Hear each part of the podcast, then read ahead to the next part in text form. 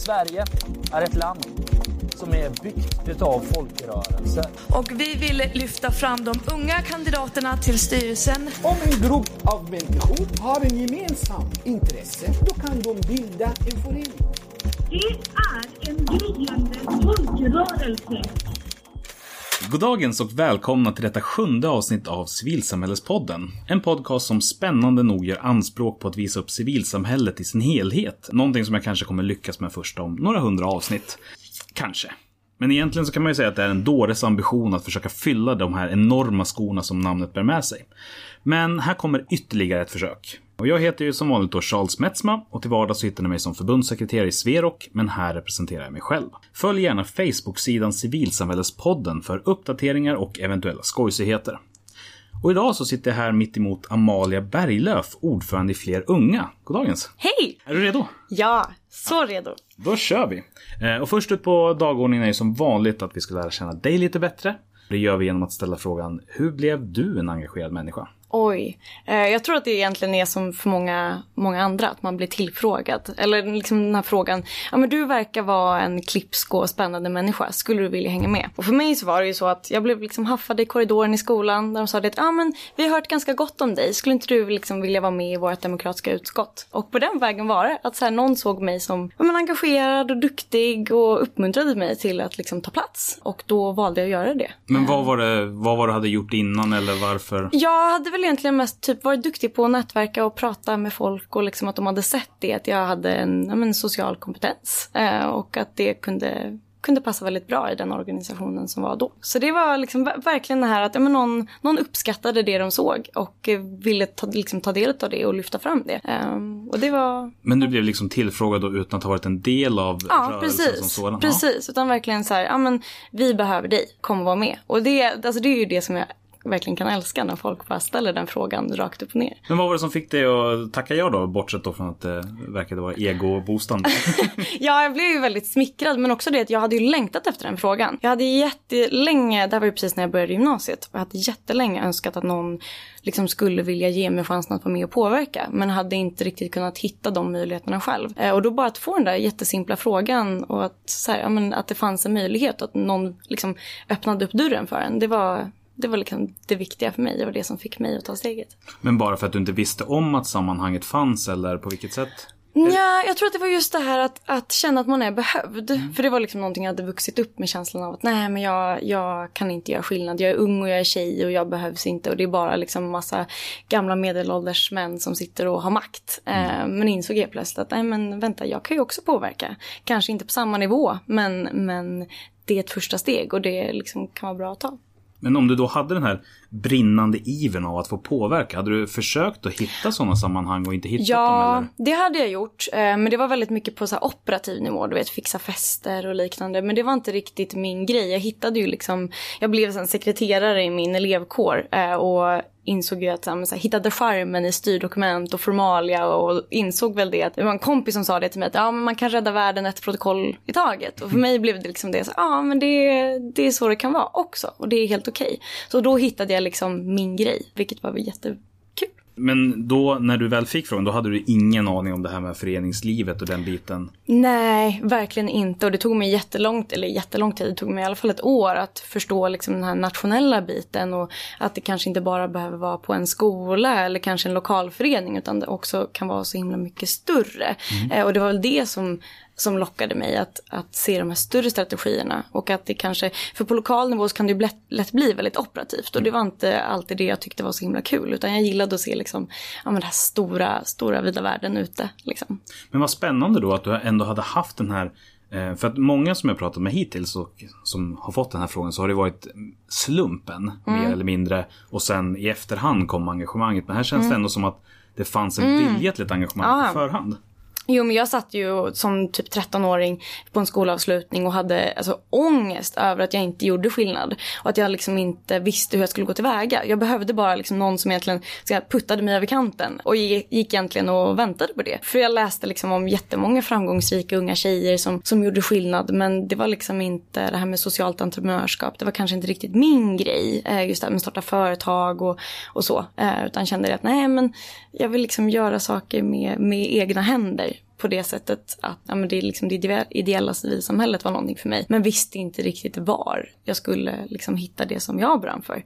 Um, så det var, liksom, det var just det, i bara en korridor så, så liksom fick jag den här pushen som jag verkligen behövde. Och sen så var du då en del av Sveriges elevkår, eller hur? Mm, mm. Precis, eh, och jag sitter i styrelsen där nu. Mm. Och har ju, liksom, elevrörelsen har ju varit min primära, liksom, ja men, to go to. Det är liksom där jag har utvecklat mitt engagemang. Elevrörelsen är ju typ det bästa som jag vet. Men det finns ju så himla mycket styrka i det andra civilsamhället också. Jo men det är klart att det som man är uppvuxen i är det som mm. ligger närmast ja, Ja men precis. Det vore ju ett direkt underkännande till organisationen om man säger tvärtom. Att så här, alla andra, jag älskar er men min egen den. ja nej men, men det var ju just det här att, men, att på något sätt förstå styrkan i att men, unga som gör saker och ting tillsammans. Det var liksom där jag hittade det. Och också det när jag fick upp ögonen för att men, det fanns liksom en men, nationell rörelse som var någonting annat och som var större och som var kanske annorlunda det som jag kom ifrån. Det behöver inte alltid se ut exakt likadant på, på varje plats utan det skiljer sig. Eh, och det var det som jag kände att, men, wow, det behöver inte bara vara liksom lilla, lilla Stockholm utan det kan också vara ja, i Kiruna och Göteborg och Ystad också. Men hur kom ni in på fler unga då? Jag och en vän, vi hade tänkt att vi skulle åka till Almedalen och vi hade fixat boende och liksom egentligen fixat hela resan. Men sen så många av våra, våra nära vänner var engagerade i fler unga och satt i styrelsen där. Eh, så vi valde helt enkelt att söka även fast vi hade boende. Vi bodde en och en halv timme med buss och cykel från Almedalen så vi tog oss upp tidiga morgnar och åkte hem sena kvällar för att liksom kunna ta, ta del av det. Men vi valde att söka och så kom vi med delegationen även fast vi inte liksom fick bo med dem på plats. Och sen så tyckte jag att det var liksom en så himla fet grej. Det var verkligen jättehäftigt. Då åkte vi dit 20 ungdomar. Eh, så det var ändå så här, men det var en stor gemenskap och på något sätt att få ta del av vad Almedalen var. Och valde sen att söka till styrelsen som administrativt ansvarig och tyckte att det fortfarande liksom var en, en rolig grej. Och det var det framförallt som jag tyckte var det bästa var ju det att liksom se de personerna som åkte med oss utvecklas. Eh, både som personer men också liksom att de fick utveckla sina politiska kompasser. Och tyckte att det var så pass givande att jag valde att söka ordförande. Och det har du varit nu sen? Sen i början på januari. Så det, och nu är det fortfarande februari när ja. vi spelar in så att det är inte allt för länge du har varit där. Nej, precis. Men det känns ändå väldigt mycket som, inte som att komma hem, men det känns som att, som att landa liksom mycket mer i, i det jag gjorde tidigare och att göra det på en på en liksom lite större nivå. Eh, för att i och med att jag var administrativt ansvarig så var det liksom jag som höll i många trådar. Men nu blir det liksom att hålla i ännu fler trådar eh, och också se till att få andra personer att utvecklas i styrelsen. Har du kunnat släppa de administrativa trådarna då eller? Ja, eh, det har, jag, det har jag nog gjort. Det enda jag fått administrera är ett Gantt-schema eh, ja. och handlingsplaner. Men det kan, det kan jag leva med. Men, men faktiskt, det, det går bra. Jag tror det att man blir lätt ganska när man liksom har varit aktiv och håller på mycket med det här operativa så kan man nog lätt bli att jag vill göra det själv eller liksom så. Men, men det på något sätt också det man måste landa i som ledare. Att men, inte alltid ta plats och inte alltid göra allting och inte vara för perfektionist. Utan också låta andra liksom växa i det. Du nämnde Almedalen mm. och delegation mm. och vad är det fler unga gör egentligen då? Ja, Fler unga är en partipolitiskt obunden ungdomsorganisation som arbetar för att öka ungdomars politiska inflytande. Våran primära verksamhet är under Almedalsveckan. Vi har i år en delegation på 35 ungdomar som vi kommer att åka dit med. Och det är många. Det är väldigt många. och syftet är egentligen att delvis att eh, sänka trösklarna. För att för unga så är det ofta väldigt höga trösklar. Vi försöker till att sänka dem. Eh, men också se till att de får möjlighet att utveckla sin politiska kompass. Men, men de som söker sig till er då, är de allihopa som du som med en kompis planerat liksom en och en halv timme enkel resväg dag och natt? Eller är det större bredd och variation? Det är i och med att vi, ök, vi har ökat våra eh, antal platser för varje år. Och ju mer vi gör det desto större bredd, bredd blir det ju. Eh, och ju mer vi når ut utanför våra egna, liksom, egna Eh, sociala bubblor desto, desto fler når vi. Så det har ju varit en vad ska man säga, ökad bredd för varje år. Eh, och ju mer genomslag vi också fått på sociala medier och liknande så har det också spritt sig längre. Eh, så att nu så hoppas vi på att vi liksom ska verkligen kunna nå ut och kunna få med både liksom stadsperspektiv och landsbygdsperspektiv och liksom, men, unga ur olika åldrar och liksom olika kön och liknande. Så att verkligen få med hela spektrat. Inte bara för att det ska liksom se snyggt ut på pappret utan också för att det är viktigt att många unga får ta del av det här och ju större bredd vi får desto större bredd kommer vi också kunna få i framtiden.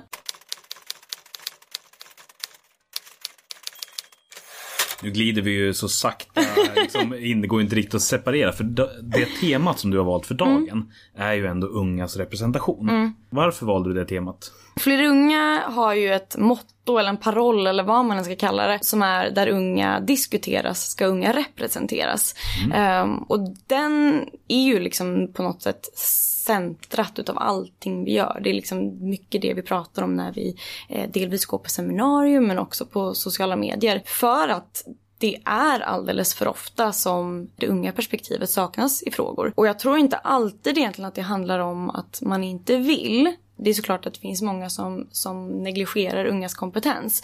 Men det finns också, liksom att det, det, eftersom att det är svårt för unga att ta sig till Almedalen så är det svårt för unga att ge perspektivet där. Har man inte liksom en, en organisation, om man liksom inte är engagerad i en organisation utan egentligen är bara är liksom privat engagerad så är det ganska svårt. Det är dyrt men det är också svårt att förstå vad liksom namndagsveckan går ut på. Så vi försöker ju liksom jobba för att så många, liksom så många unga som möjligt ska kunna ta sig till Almedalen men också att så många perspektiv som möjligt ska lyftas. För att vuxna och beslutsfattare och, och andra liksom seminariearrangörer ska förstå att det liksom unga, det, liksom, det finns unga eh, politiskt engagerade. Det gäller bara egentligen att kunna hitta dem, veta var de finns. Men utifrån perspektivet då, det här mottot. Mm. Eh, alltså där unga pratas om ska unga mm. prata. Var det? Ja, precis. Där unga diskuteras ska unga representeras. Ja, det var lite bättre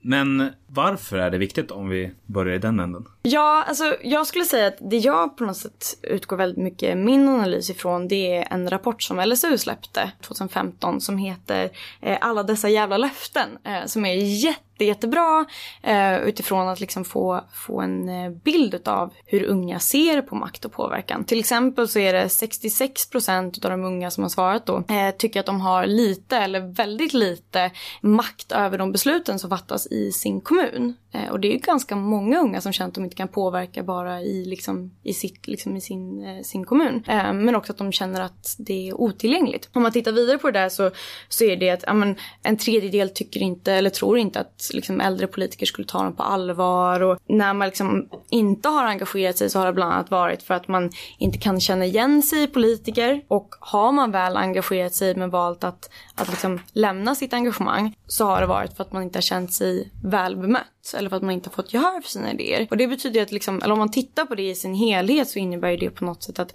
ja, men unga tycker att det är Eh, svårt att engagera sig i mångt och mycket. Man blir inte tagen på allvar om man tycker att det känns otillgängligt. Och på något sätt så tror jag att får man liksom bli en del av en ungdomsorganisation eller ett parti eller vad det än kan vara, en organisation på ett eller annat sätt så förstår man ju sig på demokrati mycket bättre. Man förstår liksom vad makt och inflytande innebär och just det här att få ta ansvar, det är ju en egenmakt och det ger en känsla av att man kan vara med och ta beslut. Vilket verkligen behövs idag, tycker jag, om man tittar liksom på hur samhället ser ut. Att vi har många som liksom vill, vill utmana de här demokratiska värdena som vi har och vill utmana liksom en värld där, alla, liksom all, där vi verkligen sätter allas lika värde i, i centrum. Och det tror jag är viktigt, att man får känna att man liksom faktiskt kan vara med och påverka. För att ju tidigare man liksom fostras in i en förståelse av vad det innebär att ha makt, desto bättre, tycker jag. Så det, det, är liksom därför att unga också ska kunna känna att de är accepterade, att deras röster faktiskt får ta plats på exakt samma premisser som, som vem som helst. Att det kanske inte alltid det inte ska handla om ålder utan att det mer ska handla om kompetens och engagemang. Jag tycker det, det är skithäftigt det ni gör men visst har ni, ni har inte funnits sådär jättelänge ändå? Vi eh, Fler unga startade hösten 2013. Mm. Eh, så vi har liksom haft en Almedalsverksamhet sen eh, då, liksom sommaren 2014. Mm. Så vi har inte funnits jättelänge. Och... Ni har varit 14, 15, 16, tre år på Almedalen då? Ja, precis. Eh, så nu blir det vårt fjärde utifrån den här problemformuleringen mm. och tanken har ni ändå hunnit märka någon skillnad under det, den tiden som ni har arbetat eller är det fortfarande för tidigt att säga? Skulle, delvis så är det nog lite för tidigt att säga i och med att vi, vi är en väldigt ung organisation. Men jag skulle säga det att vi har ju lyckats nå ut Och vi har lyckats liksom i vår verksamhet bli mycket mer in, alltså vi blir inbjudna till saker och ting numera. Det blev vi ju inte för några år sedan. Eh, vi får liksom vara med i panelsamtal och vi får liksom... Så de som känner att de har svårt att få någon ung representant men ska diskutera, de hör av sig till er? Ja, och det är ju också någonting som vi arbetar mycket, mycket mer aktivt med nu. För att vi vill ju inte bara att vi ska synas och höras. Utan vi har ju liksom inget riktigt egenvärde i de termerna utan vi vill ju också att hela ungdomsrörelsen stärks utav det. Att det faktiskt är liksom, så till exempel nu så håller vi på med en lista med att kartlägga alla ungdomsorganisationer i hela Sverige för att just där när vi ser att det finns ett behov utav ung kompetens så har vi också den. Vi kan liksom tillgodose den i och med att kunna tipsa vidare till seminariearrangörer, till politiker, till journalister. Så lite vi... utifrån liksom hur rättviseförmedlingen arbetar? Ja, lite liknande. Mm. Men mer fokus då bara på unga. Mm. Vilket vi tror kan bli jättebra. För vi släpper ju varje år eh, inför Almedalsveckan släpper vi den här ja, men, ungdomsorganisationer i Almedalen. Och den får ju alltid jättebra spridning. Eh, men nu handlar det mer om att arbeta liksom direkt mot de frågorna om att liksom, ja men ung representation och att vi även kan liksom ge svaren. Inte bara det att vi ber om att arrangörer ska ha svaren. För det är svårt. Om man som, som seminariearrangör inte har en vetskap om hur det unga civilsamhället ser ut, då är det svårt. Eh, men vi kan liksom arbeta proaktivt för det. Liksom bara vara en hjälp istället för att bara kritisera. För det blir så lätt att man låter gnällig. Eh, och det är ju synd, för det vill ju inte vi göra bara. Vi vill gnälla lite men vi vill också ge, ge svar majoriteten av er verksamhet mm. kretsar kring Almedalen. Arbetar ni någonting utöver det också? Jag tänker, för att det finns ju ganska jävla många sammanhang uh, där unga inte är representerade. Ja, eh, främst är det Almedalen och det är ju mest för att vi är en så pass ung organisation och vi har inte riktigt hittat rätt sammanhang. Just det du säger att det finns så himla många och var ska man börja? Men vi, eh, i och med att vi blir inbjudna till eh, arrangemang och liknande så ser vi ju det att vi eh, har en möjlighet att att bredda liksom våran, ja men liksom de plattformar som vi arbetar på. Men det är svårt och det handlar ju också om att inte konkurrera mot någon annan liksom organisationsverksamhet. Vi har ju till exempel Sveriges ungdomsråd som jobbar jättemycket med liksom ungas politiska inflytande i kommunen. Så att det finns ju många ungdomsorganisationer som redan jobbar med det här på, i vissa områden. Nu handlar det väl egentligen om att vi ska hitta vårat. Eh, och Almedalen är ett sätt. Men det finns ju självklart fler plattformar där vi kan finnas tillgängliga. Och då tror jag det till exempel den här listan är ett sätt. Eh, att mer kunna jobba brett än att jobba superspecifikt. Men, men det, det, måste man ju ändå ge er, alltså traditionellt också, alltså bakåt, att jämfört med hur många ni har varit mm. och hur mycket resurser ni har haft att eh, tillgå så har ni ju åstadkommit extremt mycket. Ja men jag tror ju det, på något sätt så handlar det ju om just det här som varför jag började engagera mig. att men man lyfter fram, man ger folk en möjlighet att upptäcka och utforska. Ehm, det behöver liksom inte vara så mycket svårare än så. Men sen så jobbar vi ju självklart för att, att de som åker till liksom Almedalen med oss inte bara ska, alltså att vi bara släpper dem fria och så här, gör vad ni vill. Utan till exempel så har vi, eh, hade vi förra året, första dagen så hade vi en så här, ja men de fick en Twitterutbildning, hur, hur kan man liksom använda Twitter för att nå ut? Och det var ju främst via Twitter som vi faktiskt liksom nådde ut. Så jag tror att det ger ju, det gav ju liksom direkt resultat, verkligen. Jag tror egentligen att det handlar om att arbeta med någonstans där essensen av varför unga engagerar sig. Att få liksom, möjligheten att uttrycka sina tankar, uttrycka sina åsikter och göra det i ett sammanhang där man känner sig trygg. För det, det tror jag är superviktigt. Eh, att, att ta vara på det, att vi åker dit tillsammans, vi hjälper varandra, vi stöttar varandra och försöker se till så att det liksom blir en bra vecka för alla och att man får ta del av det man vill. Men om man, om man ser till vad har responsen varit om man ändå man skulle kunna gå så långt och kalla era arbetsmetoder för liksom ganska offensiva. Mm. Ni, men ni dyker upp, ni ja. syns tydligt i tröjor och säger mm. så här, varför finns inte mm. vi representerade? Den här frågan skulle vi ha varit med och diskuterat. Vad är den generella responsen? på Oj, eh, det skulle jag säga, det beror alldeles på. Eh, det är såklart att det absolut finns jättemånga som tycker att det är en jättebra grej. Vi startade ju ett samarbete med skolvåren förra eh, sommaren under Almedalsveckan då vi gick, liksom, vi hade såna här walk and talks då vi pratade om, ja, men om skolans utveckling. Och de hittade ju liksom oss via sociala medier och tyckte att det var en superbra grej. Så att ibland är responsen jättebra. Det finns jättemånga som tycker att det är en, en bra grej och just det här i och med att vi, eh, vi klagar inte bara utan vi faktiskt också säger att ja, men, vill ni liksom ha ungt perspektiv på det här så vet vilka ni ska prata med. Det är inte bara så att vi ja, men, skapar problem eller liksom skapar en problemformulering som vi sen inte faktiskt kan arbeta ut efter. Så att det finns ju självklart jättemånga som tycker att det är superbra. Um, sen finns det också jättemånga som tycker att det kanske är lite störigt. Vi var på ett seminarium, vi var där jättemånga från, från vår delegation och så ställde vi då frågan om så här, men varför finns det inga unga med i den här panelen? För det handlade om, om skolan. Och då fick vi som svaret av en av paneldeltagarna att så här, ja men ni är ju på sommarlov. Och då satt vi liksom där tio stycken och bara nej. Eller va? Och, och liksom på något sätt vad spelar det för roll att vi har sommarlov? Man kan ju fortfarande liksom ta del av ja, Sveriges politiska mecka ändå. Vad är det som gör att man inte kan göra det? Så det skulle jag säga egentligen beror alldeles på. Eh, men det handlar ju också om vilken pedagogik man använder. Och eh, jag tror det att i och med att vi liksom, man försöker arbeta med att lyfta fram andra ungdomsorganisationer och det är inte så att vi springer runt och är sura utan vi mer ställer frågan. Och ibland så är det ju så att vi får hoppa in i paneler, liksom på plats. För att de, när vi ställer frågan så får vi liksom vara med eh, och, och, svara på de frågor som finns från publiken. Så att det skulle jag säga att det beror alldeles på. Men mm. jag upplever i alla fall att för varje år som går så blir det i alla fall det jag har bemött lite bättre. Eh, det finns folk som vill träffa oss, det finns folk som bjuder in oss.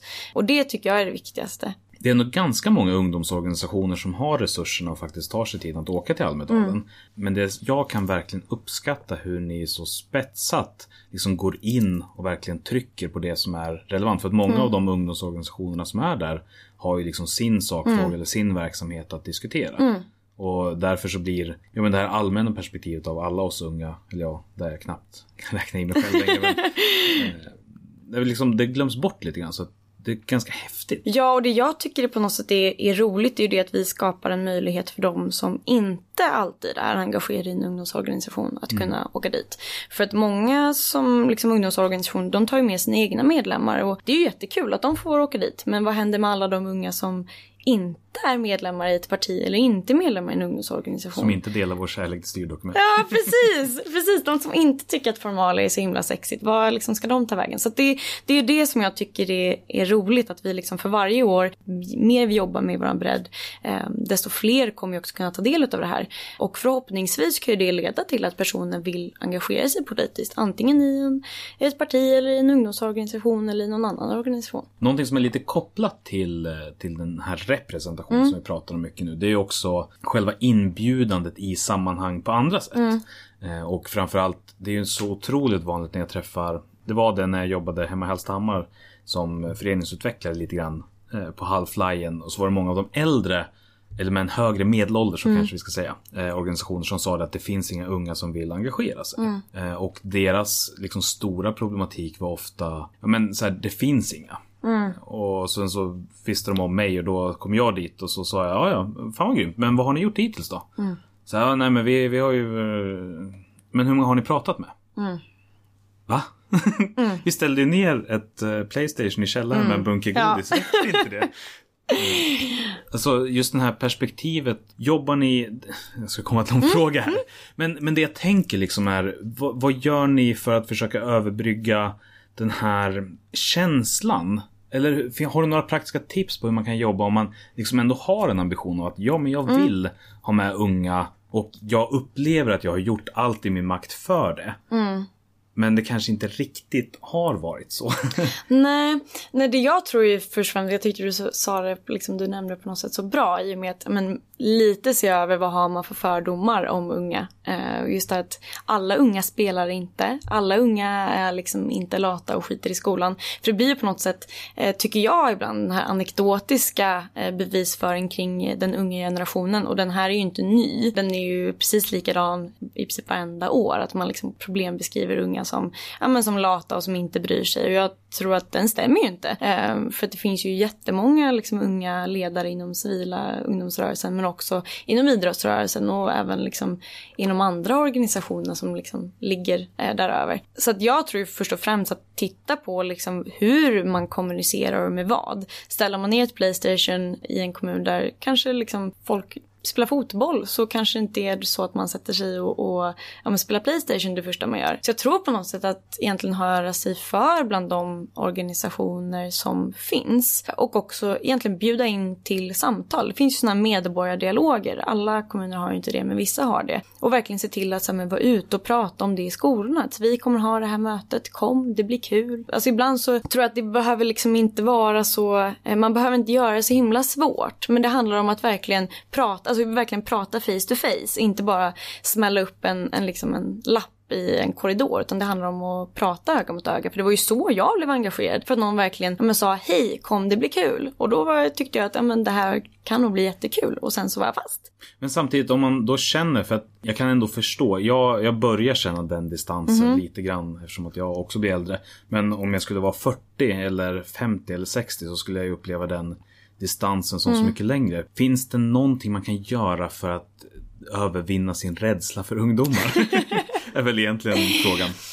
Ja, det jag tror är på något sätt att delvis att först, jag träffade en kommunpolitiker för, för några veckor sedan som sa det att jo men jag vill ju inte att den här ungdomen liksom ska behöva komma själv och känna sig liksom, eh, ja men, o, ja, men inte, alltså som att den inte är sedd och inte behövd. Det, det kan ju kännas så läskigt om man kommer ensam. Och då frågade jag, jaha men hur tänker du då? Och då var det, ja men de kanske borde vara en grupp. Att man hela tiden letar efter en grupp med ungdomar. Det är såklart att det finns jättemånga ungdomar som organiserar sig i grupp. I idrottsföreningar eller i liksom, unga, unga organisationer. Men just det att man inte kanske alltid litar på att men en ensam ung person också kan vara viktig i sammanhanget. För då var det just det, men det kan vara lite obehagligt på de här mötena. Och då tänkte jag att ja, men då kanske det är liksom mötenas former man borde arbeta med. Just det att om det är liksom mobbningstendenser då kanske det är de man ska jobba med och inte med att eh, man måste ha en ung grupp. Men Och då kommer det även bli bättre för de vuxna.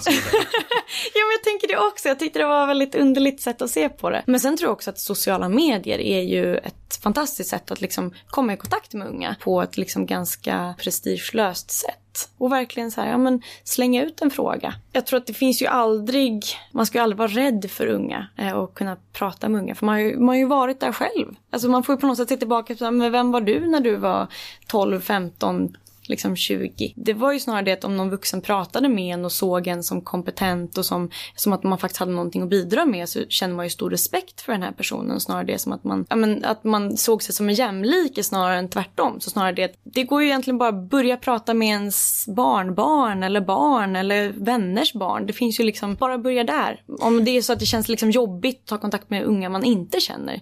Eh, men börja prata om, men vad, hur tycker du? Hur tänker du? Hur ser du på skolan? Hur ser du på pensionen? Alltså det finns ju jättemycket att prata om som jag tror man liksom kan eh, verkligen integrera unga i. Men sen är det också, jag tror att det är jätteviktigt just den här biten av att inte se ungdomar som liksom en homogen grupp som lever i ett parallellt universum som inte riktigt går att penetrera. Utan att det är precis lika för att det är så ofta jag ändå får frågan så här, men vad tycker unga om att göra? Vad vill unga ha? Ja. Medan jag frågar så här, ja men ja absolut, det det ska jag svara på så fort du har sagt vad vuxna vill ha.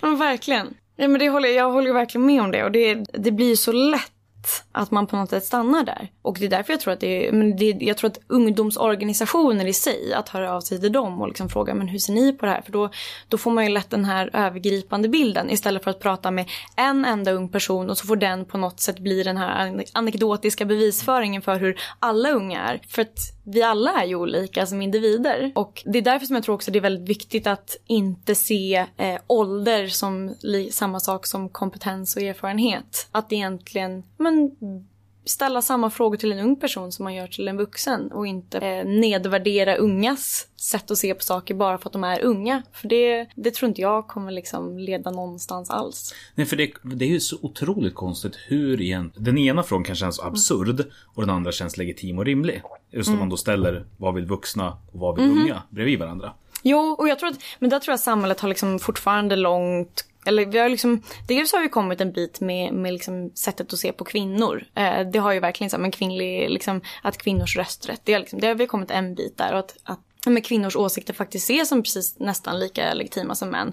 Inte riktigt där än, men vi är på väg. Och jag tror att samma sak behöver vi i ungdomsrörelsen göra. Vi behöver jobba för att ungas åsikter ses som lika legitima som, som vuxnas. För att, alltså, om det nu är, eller det är ju så att vi unga, vi är inte bara liksom framtidens makthavare utan vi är också makthavare idag. Och jag tror att det är superviktigt att liksom integrera unga tidigt i den processen. För att får man med vad liksom, den unga generationen tycker idag om hur samhället kan utvecklas, då tror jag att det är lättare att skapa ett samhälle som vi alla vill leva i i framtiden. Men bortser man liksom från de åsikterna idag, då tror jag att, det, vi kommer behöva göra om mycket. Vi kommer behöva tänka om eh, och vi kommer behöva, det kommer kräva mycket resurser. Eh, så jag tror att det är, det är både ekonomiskt och eh, socialt hållbart liksom att försöka integrera unga så tidigt som möjligt. Vi rör oss väldigt mycket i tassemarkerna av eh, någonting som vi pratade om innan vi slog på mm. mikrofonen, nämligen det här med åldersmaktsordningen. Mm. Kan du förklara lite grann vad det begreppet är eller vad som ligger i det? Ja, åldersmaktsordningen, det, det tror jag finns nästan lika många definitioner som det finns människor. Men så som jag ser på åldersmaktsordningen så är det att ungas kompetens och erfarenheter och kunskaper inte ses som lika mycket värda. Eh, mest på grund av deras ålder, eh, helt enkelt. Att, I och med att, ja, men så här, ja, men just det här som, som vi fick höra när vi var, var på det här seminariet, att ja, men ni, har ju, ni har ju sommarlov, ni bryr er inte om att vara här. Att man eh, negligerar liksom ungas engagemang för, för att de är unga och inte för att de är jag vet inte, det finns ju inte ens ett men, utan det är bara att man negligerar det och det, det skapar liksom en maktordning som gör det att vuxna ser som mer kompetenta och man väljer att värdera eh, vuxnas eh, erfarenheter och engagemang som viktigare för samhällsutvecklingen än ungas. Men om vi ska då titta lite grann, återkomma lite grann mm. till just det här av att liksom göra praktisk skillnad. Mm. Och då det bästa sättet att lära sig det är ju genom misstag. Mm. Folk brukar vara så rädda för liksom att saker går åt helvete. Men det är ju bara där som man lär sig. Mm. Så då tänkte jag, har du eller ni Ja, du då blir det ju mm.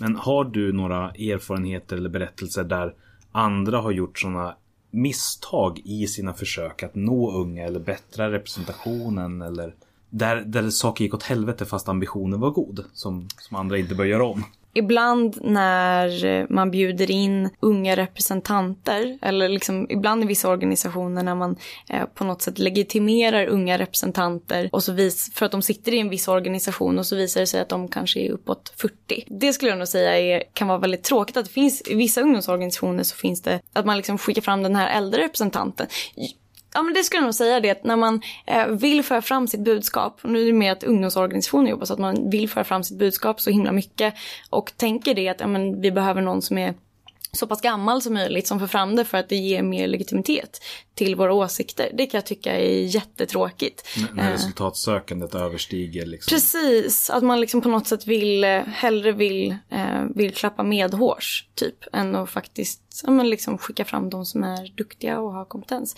Men annars skulle jag säga att jag har nog inte mött det så ofta eh, egentligen. Att man eh, Eh, Eh, misslyckas. Jag tycker ofta man lyckas när man, man gör det. Men jag vet ju det att vi, vi hade en representant i ett, eh, i ett panelsamtal under Almedalsveckan som, som eh, hon skulle vara med och, och, representera en organisation och frågade i förväg om hon kunde få frågorna till, liksom, skulle ställas till seminariet. Och det här var en väldigt välkänd som skulle liksom moderera, moderera debatten. Och hon fick då i mejlen utskällning om att det här var det mest liksom påflugna han någonsin hade fått. Eh, och hon, hon var så oerhört liksom ung och naiv eh, som, som trodde att hon kunde få frågorna i förväg. Och under då eh, seminariet så vägrade han att ställa frågor till henne. Oj. Och så att hon fick i princip så slå sig in för att eh, kunna ställa en fråga. Och det tycker jag när man liksom, det var ju visserligen moderatorns fel, men, men att man liksom, att arrangörerna där inte var tydliga med att det var liksom tydlig talartid och att alla skulle få, få göra,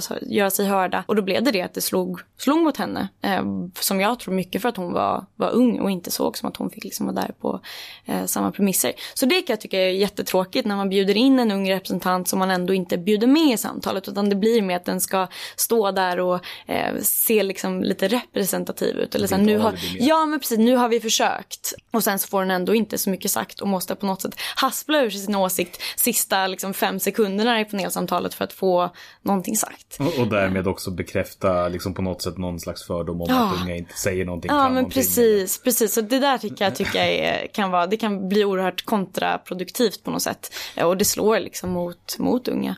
Men, men är det helt enkelt så att om du säger då att de flesta som har försökt ändå lyckas mm. i någon varierad varierande grad. Är det största problemet helt enkelt att det här är någonting som inte tänks på? Alltså att, att det är någonting som är, att det är ett osynligt problem för den som inte är insatt på samma sätt som att eh, det kan vara svårt att se sina egna privilegier när man har dem.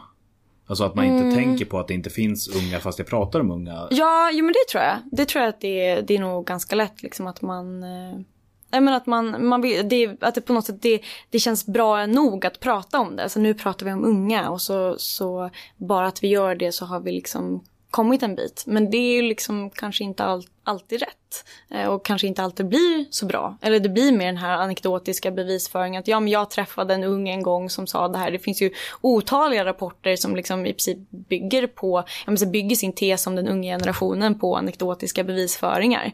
Eh, och det är ju inte alltid så, så bra. Men då tänker man att ja, men vi har på något sätt integrerat bilden av vad unga är eller vad unga, ja men hur unga beter sig och det räcker. Men så, det behöver ju inte alltid ge ett bra utfall. Eh, utan det snarare bekräftar jag tror att det kan vara lätt att försöka bekräfta den, den tesen man redan har. Eh, för att man ser den mycket lättare. Liksom. Men, men om vi, nu har vi ju ändå pratat mycket ur perspektivet av vad kan vuxna göra Mm. för att bjuda in? Har du någonting till men, motsatsen? Hur, hur tar unga mer plats? Mm. Det vi i Fler Unga jobbar jättemycket med det är ju sociala medier i kombination med fysisk närvaro. Delvis under Annandagsveckan så, så vi bara det att vi liksom sa det att men hej, vi kommer från fler unga och kul med det här panelsamtalet, det har varit jättespännande men varför har ni inte haft med någon ung i panelen? Det gjorde ju att vi liksom syntes och hördes ganska mycket. Det fick ju någon kommentar någon gång att säga, men ni är ju verkligen överallt. Och då trodde ju de att vi var liksom 100 pers och vi var ju bara 20 och 25 så att det var ju liksom, vi var ju inte så många. Men just det här sociala medier skulle jag säga var vårt sätt att verkligen, eh, att verkligen liksom lyfta den här frågan till en högre nivå. Framförallt för att andra ungdomsorganisationer verkligen kände att de kunde relatera till den här frågan och att de Liksom, de själva gyn, gynnades ju av att lyfta den och då gjorde de det. Eh, så jag tror att på något sätt så, eh, liksom så hur man som ung kan jobba med det är ju snarare att på något sätt hitta gemenskapen i av att vara ung och att verkligen, jag, tror att, jag, jag tycker att ungdomsrörelsen är fantastisk på så sätt att man verkligen kan känna gemenskap och att ja, men nu gör vi det här tillsammans. Det är ju som dubbla stödet, alltså när ungdomsrörelsen verkligen enas kring att frågan om att dubbla stödet så får jag liksom gåshud för att det är så himla viktigt och så bra att man visar på det här. Vi kanske inte alltid håller med varandra, vi kanske jobbar med helt olika frågor men det spelar ingen roll för att vi står, liksom, vi står upp för varandra och vi står upp för ungas fria organisering. Så det tror jag är liksom jätteviktigt att ja, men, ta del av det och inte på något sätt allt. För det finns ju vissa som liksom inte vill vara en del av ungdomsrörelsen. Och det kan jag ibland tycka är, är lite tråkigt. Att det, det finns vissa som tycker att det är någon slags klubb för inbördes beundran. Och det, det kan jag liksom känna är är synd. För jag tror inte att det, det är inte det vi, vi behöver. Självklart ungdomsrörelsen behöver alltid utvecklas. Men det, det är någonting vi gör tillsammans. Eh, och det, är liksom, det går inte att, att jobba med annat än sig själv eh, faktiskt. Men, men att verkligen Sociala medier har ju varit våran break-even. Eh, det på så sätt hade vi ju liksom aldrig fått kontakt med, med de som vi har varit, och liksom varit med i panelsamtal hos och liknande. Just för att det var ju ett förarbete som vi gjorde i mångt och mycket. Jag har ju liksom redan nu börjat preppa inför Almedalen och då liksom rekommendera folk att höra av sig till fler unga eller tipsa om andra ungdomsorganisationer de kan höra av sig till. Och det tror jag är väldigt viktigt, att liksom att ta plats och tipsa om sig själv eller tipsa om andra. Att våga liksom eller egentligen inte våga, men att verkligen ta den platsen. Eh, för att sociala medier gör det så lätt. Alltså det är ju ett unikum på så sätt, och speciellt Twitter tycker jag, att det är lätt att komma i kontakt med makthavare. Det är egentligen bara att slänga iväg en tweet och inte alltid får man svar, men ibland får man det och då är det liksom, då har man ju ändå kommit en, en bra bit på vägen. Men, men att inte svara där kostar ju på ett annat sätt än att inte svara på ett mejl. Precis. Eftersom att det sker i offentligheten. Precis, och det är ju det som är, alltså det är det jag tycker att liksom vi har tagit tillvara på som jag verkligen önskar att fler ungdomsorganisationer verkligen tog del av mer. Att använda de, de liksom verktyg som eh, egentligen blir ganska serverade på silverfat genom sociala medier. Och egentligen så bara höra av sig och ta ett möte. För att jag tror att då är det ju lätt att få igenom sina frågor. För att jag tror att vi får liksom inte bli för navelskådande och att vi bara liksom tänker på våra egna frågor och försöker jobba. Liksom, det inte bara blir att man sitter med alla sina styrdokument hit och dit utan man faktiskt jobbar för att göra aktiv skillnad. Och för oss, vi har ju liksom ingen eh, egentligen, liksom, egentlig verksamhet i annat än Almedalsveckan. Men vi når ju ut med det tillräckligt bra genom att vi är många som jobbar för det. Och det tror jag är liksom den styrkan, att man verkligen hittar en gemensam fråga och pratar mycket om den. För det är just det här mottot, liksom, där unga diskuteras, där ska unga representeras.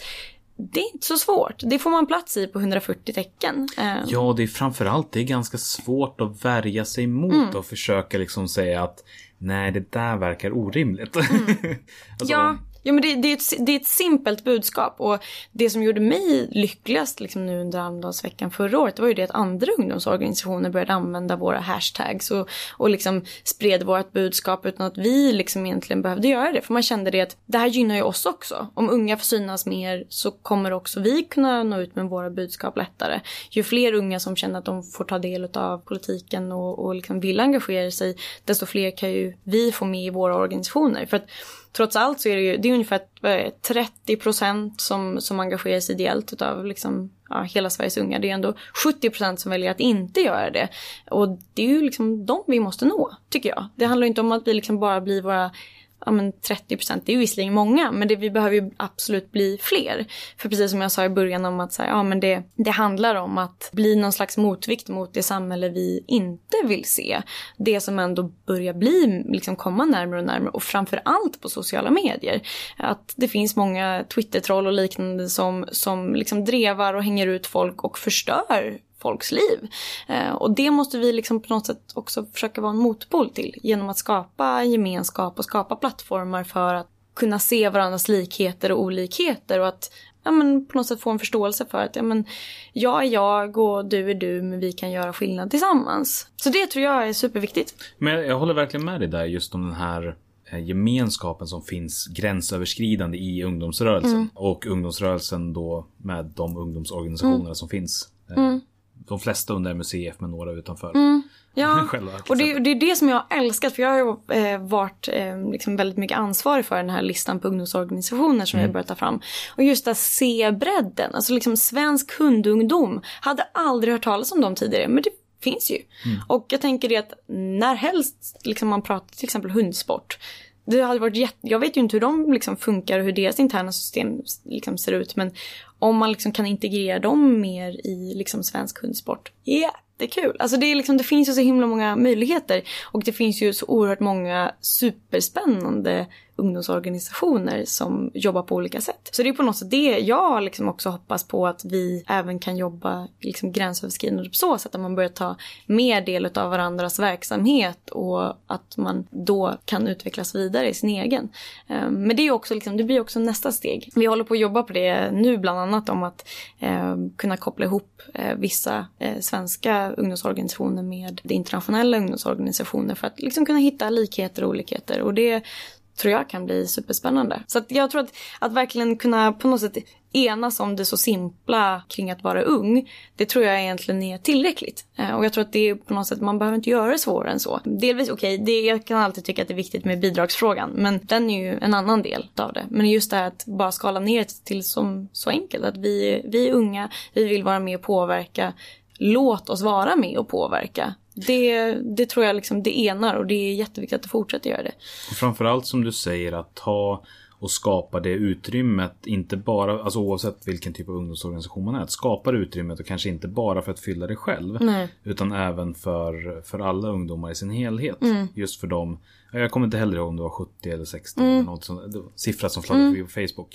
Liksom den, men det är ändå en ganska enorm mängd människor som inte organiserar sig i traditionella föreningar. Ja, Ja, och det tror jag, jag tror att man på något sätt, det är ju både, det är både en styrka och en svaghet att vi inte är fler, men det finns också så många fler som kan känna sig som en del av ungdomsrörelsen och kunna liksom vara med och påverka. För det, jag tror att det handlar väldigt mycket om att kunna känna egen makt över sitt liv. Det var ju därför jag började engagera mig, för att jag helt plötsligt insåg att men jag kan vara med och påverka och det här kommer gynna mig i liksom mitt liv och min framtid och allting jag gör så kommer det här liksom på något sätt kunna hänga med mig och jag kommer kunna lära mig mer om hur samhället fungerar. Um, jag tror att ju fler som liksom blir en del utav, utav den förståelsen och får en möjlighet att liksom få den förståelsen, desto mer kan vi ju faktiskt få ett samhälle som vi faktiskt vill ha.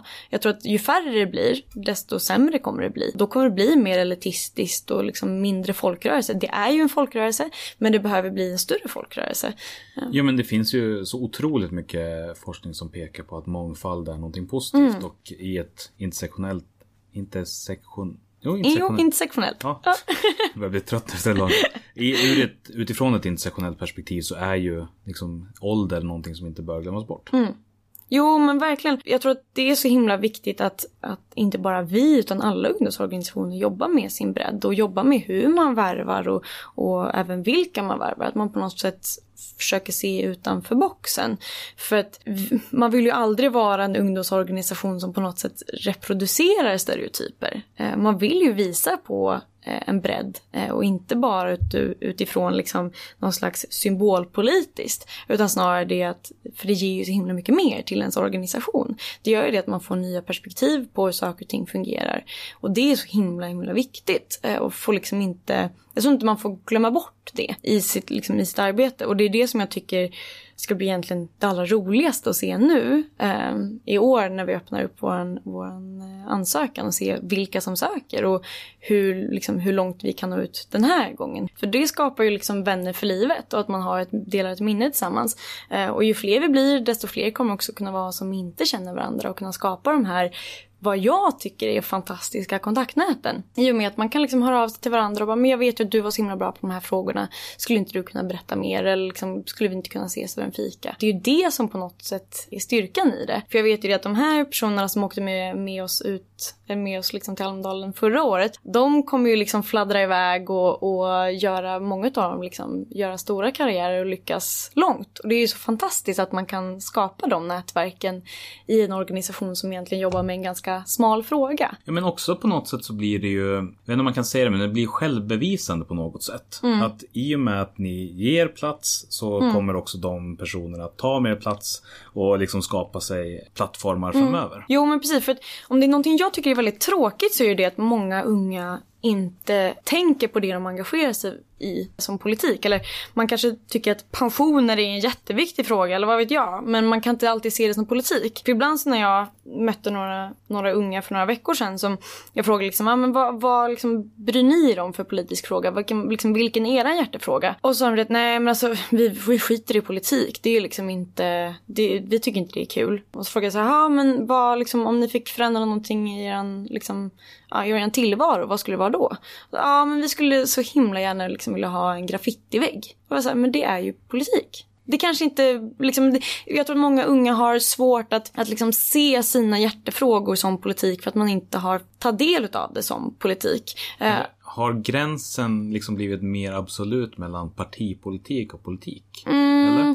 Ja, eller jag tror att man ibland, just därför många unga känner ju att de inte kan relatera till de politiker som liksom ändå på något sätt företräder hela svenska folket. Eh, så jag, jag, jag vet inte, men, men kanske. Men det jag tycker är synd är på något sätt att man liksom inte att man inte känner att politik är intressant för att det känns som att men det är ingenting för mig, för det rör inte mig. Men politik är ju på något sätt allting. Eh, det är alltifrån liksom vilka stolar vi sitter på till liksom vilken asfalt vi går på. På något sätt är det politik på ett eller annat sätt. Och när unga då känner att ja, de har någonting som de bryr sig om, som, som att ha liksom en graffitivägg men inte känner att de kan påverka, då är ju det ett problem. Och då, det måste man liksom, det är det som vi vill ge. Vi vill ju ge unga en möjlighet att få en insyn i liksom vad politik kan innebära och att även att utveckla sin politiska kompass. Och det, liksom, det tror jag är också väldigt viktigt. Att man vågar och vågar, inte bara vågar men också få möjligheten att förstå vad politik innebär. För att Almedalen kan ju lätt verka som att ja, men det är liksom folk sitter, man bara träffar beslutsfattare. Men det är det ju inte. Det är ju jättemycket näringsliv och det är ju liksom jättemycket ideella organisationer. Det är ju inte vad ska man säga, det är inte bara kommunpolitiker som träffas och har ett internmöte utan det är ju så långt mycket mer. Och jag tror att på något sätt så måste man ju också utmana den där bilden utav att Almedalen är någon slags vindrickarbonanza. För det är det ju faktiskt inte. Det är ju långt, långt mycket mer än så. Och det är ju långt mycket mer än partipolitik. Jag tror att jag har varit på, under de här två åren som jag varit där, så har jag väl varit på fyra presskonferenser, liksom parti, parti liksom evenemang totalt utav i princip så här 2000 arrangemang som man har varit på. Så att det, det är långt mycket mer än bara partipolitik, utan det är ju politik overall. Och det uppskattar jag, för det tror jag också är viktigt att förstå, eller att få möjligheten att se att politik inte bara är det som händer i sin närmaste kommun utan det är faktiskt också någonting som händer i lobbyingorganisationer och som händer i ungdomsorganisationer varje dag och hela tiden. Men, men där också utifrån, om man återkopplar till ett ungt perspektiv så är det ju viktigt att liksom komma ihåg det här att man måste lära ut samma sak om och om igen. Mm. Alltså det som har blivit självklart och internaliserat Mm. i mig är ju inte det hos den som inte känner till det. Den som Nej. inte vet att föreningar finns, den som inte vet att jag har en möjlighet att påverka som, in, som liksom sträcker sig Mm. bortom att rösta när jag väl har blivit 18. Ja, ja, men verkligen. Det kommer ju nya generationer hela tiden och det handlar ju om att vi som ändå har fått en förståelse för hur det funkar hela tiden aktivt arbetar för att fler ska kunna ta del av det och att fler också ska kunna känna egen makt över sina egna liv. För nu handlar det om att så här, vi har ju blivit infostrade i att ja, men, ungt engagemang är bra, det är viktigt. Men nu handlar det också om att ja, sänka trösklarna ännu mer för de som kommer i liksom, fram, ja, men, framtida generationer. Och det är det som jag tycker det är så himla positivt med Fröunga att vi konkurrerar ju inte med någon annan ungdomsorganisation. Vi är inte en del av MU, MUCFs liksom bidragsstöd så vi behöver ju liksom inte slåss om pengarna. För det där är ju tråkigt. Det är ju tråkigt att ungdomsorganisationer nu börjar liksom mer behöver liksom bli varandras rivaler vad gäller bidragspengar. Eh, Egentligen så har ju systemet varit uppbyggt på det sättet eh, sen någonsin. Men det har ju börjat blivit Mm. synligt nu sen de gjorde om förordningen och det tillkommer så många nya varje år. Ja men precis. Men det, där måste jag ändå säga att jag tycker det är så fantastiskt att se hur ungdomsrörelsen inte väljer att då säga Mm. okej men då krigar vi mot varandra utan istället vänder sig och säger okej det här systemet är kast och nu gör vi någonting åt det tillsammans. Mm. Ja, ja men det tycker jag, jag tycker det är superviktigt. Men på något sätt känns det också som så skönt att vi liksom, vi alltid kan lyfta andra ungdomsorganisationer och på samma sätt, eller liksom på så sätt också lyfta oss själva. Eller det blir ju liksom det att vi, vi, genom att vi syns och hörs så kan vi också se till att fler syns och hörs. Eh, Och genom att de syns och hörs så får ju vi också genomslag för våra idéer. Men eh, istället för konkurrens och ja. gemenskap. Ja, det är lite altruism, vilket är nice. Ja, men jag tror att vi får stanna där. Eh, Det här går ju att prata om hur mycket som Mm. Hur helst. mycket som helst, verkligen. Eh, Eller framförallt så det blir väldigt lätt att prata om det eftersom att det är en, en del av vår vardag så mycket. Och mm än mer din än min kanske. Ja.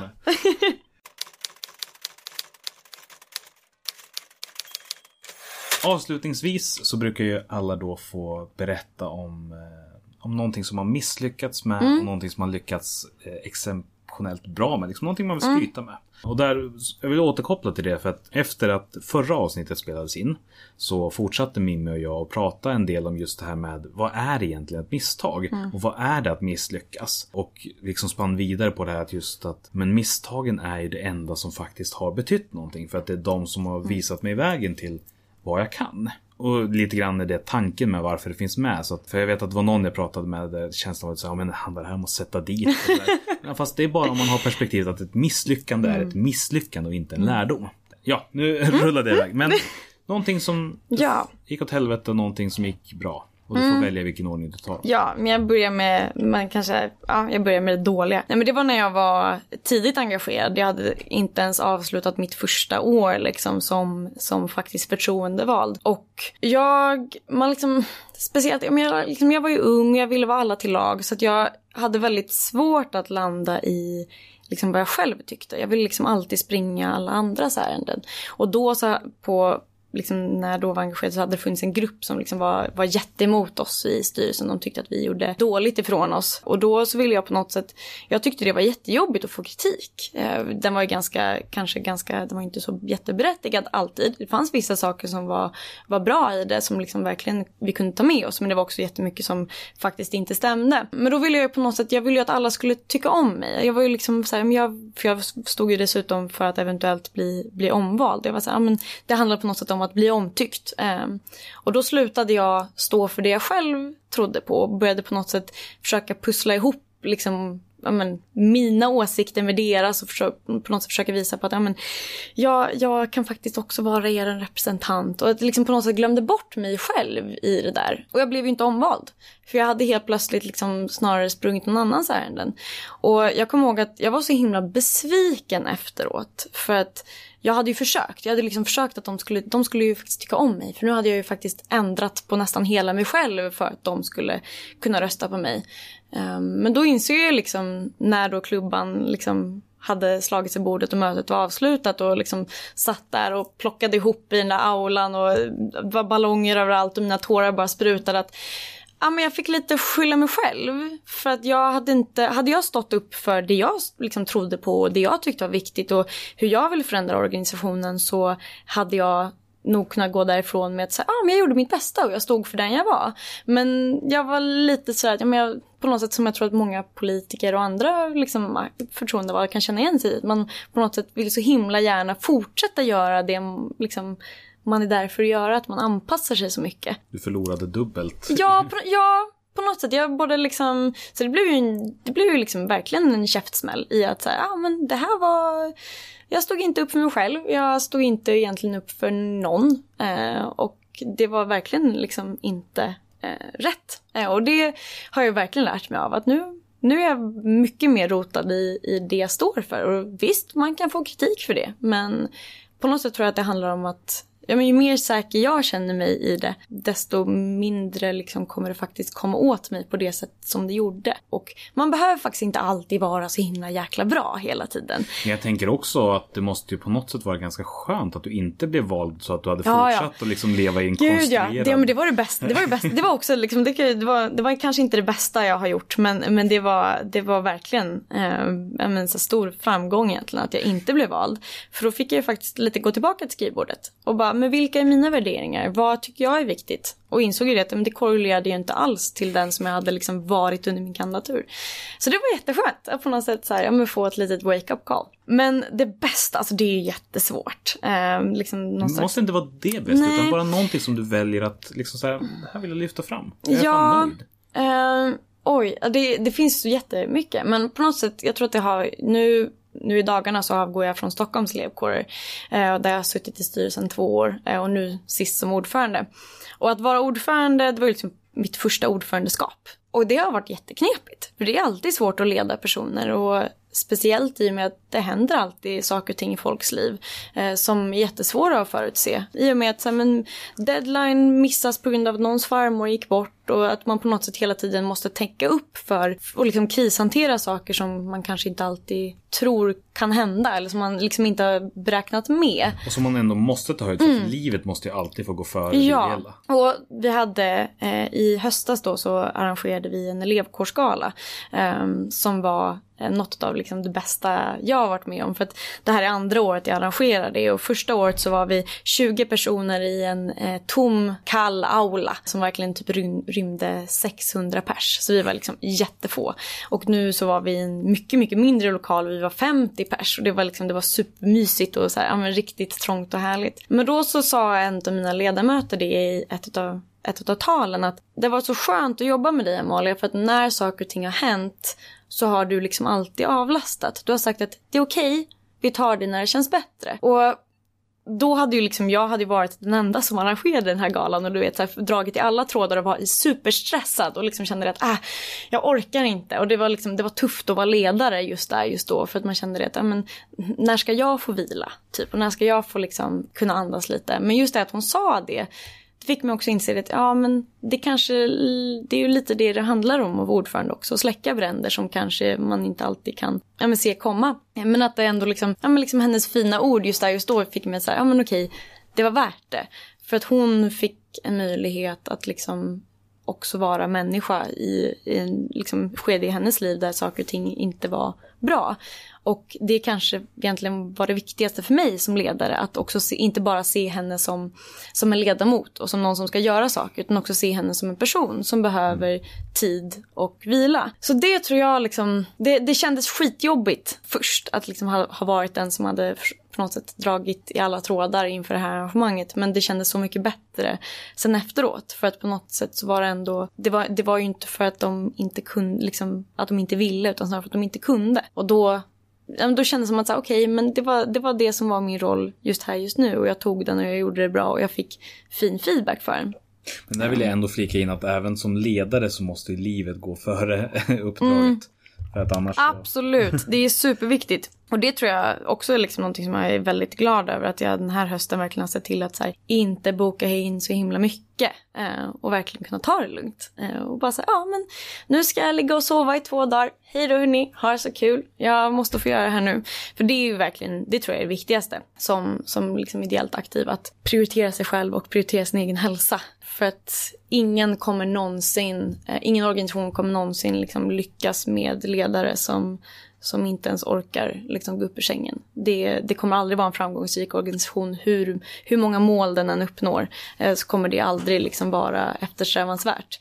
Nej, och ingen kommer tacka dig för det heller. Nej, och det är det som jag tycker är så synd att man aldrig, eh, man, får, man får aldrig tacket för de timmar man lagt ner när man liksom väl eh, bränner ut sig. Det är liksom aldrig någon som säger ja, men tack ändå för allting du har gjort men nu får vi till, se till att avlasta dig. Utan man alltid får höra det att ja men du borde ha sett det här komma eller du borde liksom ha stoppat medan du kunde.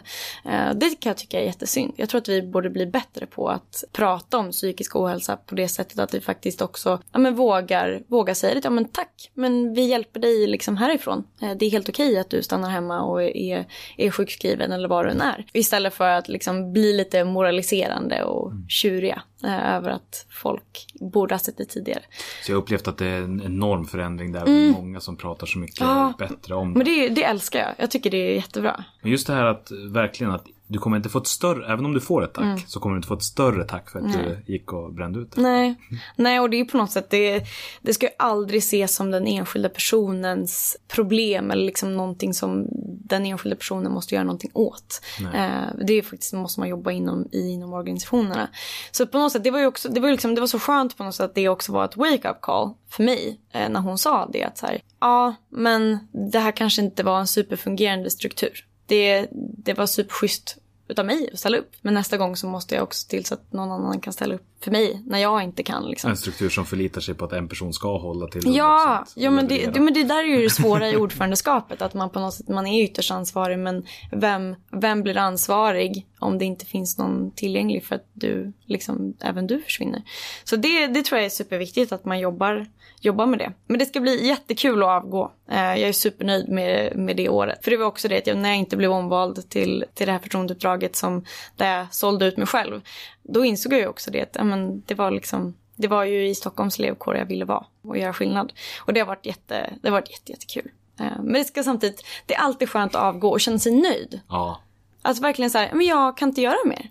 Uh, nu har jag gjort allt liksom inte bara det att jag kan inte göra mer utan jag har gjort någonting bra. Alltså, mm. Alltså det måste inte alltid gå till det ultimata av att vara bäst. Nej, nej precis. Man behöver inte nå, uppnå alla sina mål men på något sätt att vara nöjd över, över det man har gjort. Och det skulle jag verkligen säga så här, det, det är nog min största framgång den här hösten. Att verkligen, eller våren, vintern. Uh, jag vet inte ens vad det är för årstid nu, det är så fint väder. Men just att känna sig nöjd och avgå med högburet huvud och kunna säga eh, verkligen kunna säga hej då på liksom ett så ja ah, men nu får ni klara utan mig, nu får, liksom, nu får ni testa era vingar och se vad, vad de bär härnäst. Jättehärligt att höra. Mm. Och fan vad skönt att kunna avgå och vara nöjd. Ja, det önskar, det önskar jag alla få göra. Ja. Jättestort tack till dig Amalia mm. för, för att du kom hit. Mm, tack själv. Det var jättekul. Och jag vill också som vanligt tacka dig som har lyssnat. Det är jättekul, eller egentligen det enda anledningen till varför det här är kul att göra är för att ni fortsätter höra av er och kommer med synpunkter till mig och till Facebook-sidan. Och fortsätt med det, oavsett om det var så att det gav dig nya insikter eller förändrade ditt liv. Eller bara var någonting mycket mindre än så. Och jag vill också påminna då om hemsidan civilsamhällespodden.se där det finns ett formulär där du kan anmäla intresse om det är så att du skulle vilja vara med här i podden. Så hör av dig så hörs vi igen om två veckor. Tack! Sverige är ett land som är byggt av folkrörelser. Och vi vill lyfta fram de unga kandidaterna till styrelsen. Om en grupp av människor har en gemensam intresse, då kan de bilda en förening. Det är en gryende folkrörelse.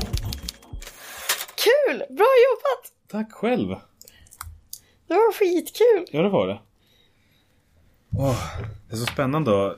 Jag tycker om att, att inte ha så mycket struktur på förhand. Några liksom frågor som kan vara relevanta men annars bara se vart det tar vägen. Men verkligen.